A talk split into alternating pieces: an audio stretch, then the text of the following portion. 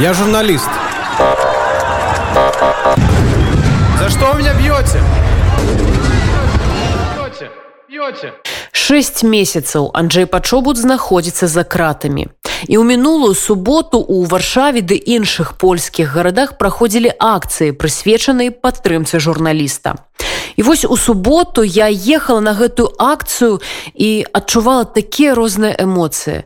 Сэрца сціскалася ад жахлівай несправядлівасці і ў гэты ж час неверагоднага гонару і захаплення.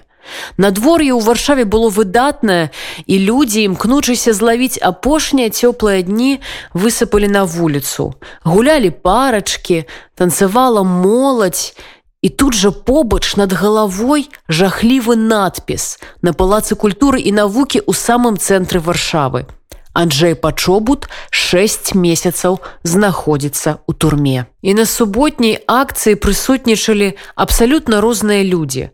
Палітыкі і пенсіянеры, палякі і беларусы, журналісты і проста ўсе неабыякавыя. На акцыі прысутнічаў Павел Латушка, Святлана Ціхановская накіравала ліст і ўсе мы ў гэты вечар, няхай не фізычна, але ў думках былі разам з Анджеем Пачобутам.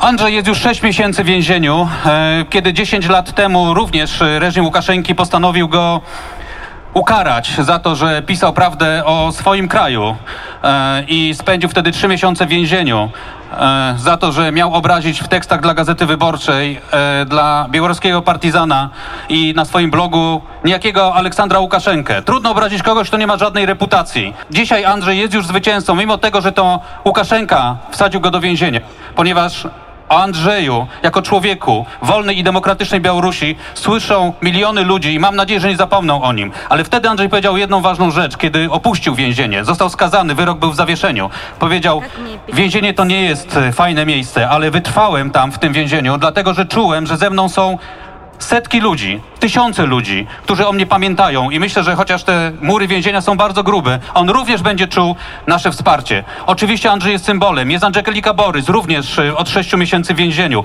Są dziesiątki tysięcy represjonowanych Białorusinów, którzy płacą ogromną cenę za to, że Aleksander Łukaszenka chce być u władzy i perfidny sposób ordynarnie ukradł im w zeszłym roku zwycięstwo wyborcze. To jest również hołd dla nich. Myślę, że dzisiaj Andrzej nawet nie chciałby, żeby skandować jego imię, ale na pewno chciałby usłyszeć Żywie Białorus! Żywie Białorus! Żywie Białorus! Setki, tysiące Białorusinów znajdują się w więzieniach jako więźniowie polityczni. Teraz 28 dziennikarzy białoruskich są więźniami politycznymi. 600 dziennikarzy w ciągu tego roku zostali zatrzymani. Faktycznie już nie istnieje prasa niezależna na Białorusi. Nie ma prasy regionalnej. Jest tylko propaganda. Nigdzie się nie wybierałem i nie zamierzam. Tymi słowami zwrócił się w liście do rodziców Andrzej Poczobut.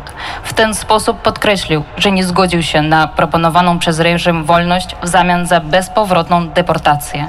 Andrzej od sześciu miesięcy jest w więzieniu. Kiedy chorował na koronawirusa, reżim nie zapewnił mu opieki medycznej. Kiedy pogorszył się jego stan zdrowia w związku z przewlekłą chorobą serca, reżim odmówił mu leków. Umieścił go za to w rejestrze ekstremistów. Dzisiaj Andrzej, zamiast zajmować się swoją ulubioną pracą, czyli dziennikarstwem, zmuszony jest do czekania na wyrok.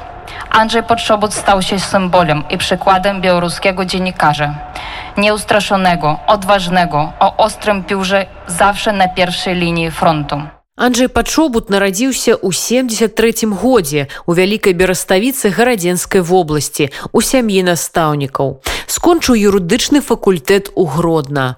Анджей Пачобут чалавек незвычайна разнабаковы. Да прыкладу яшчэ ў пачатку 90-х Анджей разам са сваім малодшым братам арганізавалі музычную групу. І што варта адзначыць спявалі хлопцы па-беларуску. А яшчэ сярод захапленняў гісторыя верш вершы і шахматы. Дарэчы, Анджей Пачобут кандыдат у майстры спорту па шахматах.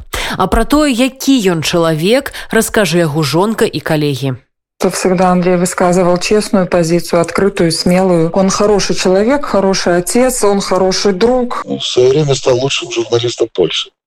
Как бы, то есть человек, э, который э, свое дело знает на вылет. Я вообще скажу, там, э, знаете, там материалы там такие, так сказать, ньюсовые, это ньюсовые, но, допустим, я читаю его исторические материалы, э, много пишет, я писал, не знаю, там, в последнее время как-то не слежу, но, но пишут, он э, интересует его тема истории, тема там армии краевой, там, желмежевый клиент, он как бы скрупулезно к этому делу подходит. Ну, с того, что я вижу, ну, как бы он очень так трепетно к семье относится. Несмотря на свою там прямолинейность и э, твердость каких-то вот таких общественно-политических каких-то там ситуациях очень трепетно относится к семье. И как бы, ну, это видно по его отношениям с женой, с детьми. Как бы, с того, что я вот вижу таким э, невооруженным глазом, там где-то со стороны наблюдая. Как бы.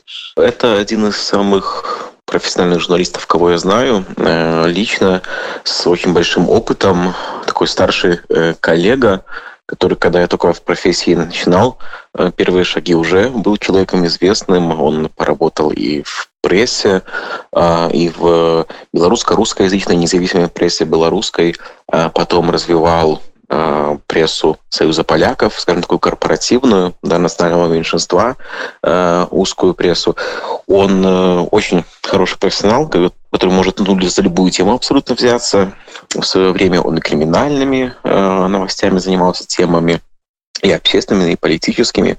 И, в общем-то, таким знаком качества для журналиста в Беларуси является то, э, что его прессуют, каким-то образом пытаются э, помешать работать. И у Анжи ведь это сейчас не первое дело, когда он находится в тюрьме. Э, десять лет назад э, у него было даже два дела, насколько я помню. Он на, чет, на четких позициях стоит, четких позициях профессиональных, э, моральных, э, свято-поглядовых, как говорится, и э, э, он всегда будет отстаивать то, во что верит. Вот это точно. Такой, скажем, непоколебимый он всегда говорит то, в чем уверен. А, не будет лишний раз что-то заигрывать с кем-то или пытаться показаться там лучше, чем он есть, или просто эм, сказать, сказать тебе что-то более приятное, тебя не обидеть. Не, не, он всегда-всегда четко и на одной позиции. Э, это ну, то, то, что я ценю, такую знаешь, прямолинейность в людях, эм, уверенность в своих словах, э, это ну, ценит, ценится всегда. Просто человек сразу увиден, не пытается ничего скрыть, э, никого-то из себя строить, есть такой, какой есть. Шесть месяцев за кратами. Анджей Пачобут чалавек, які гатовы ісці до конца. Чалавек слова і чалавек справы, верны сабе і сваім прынцыпам.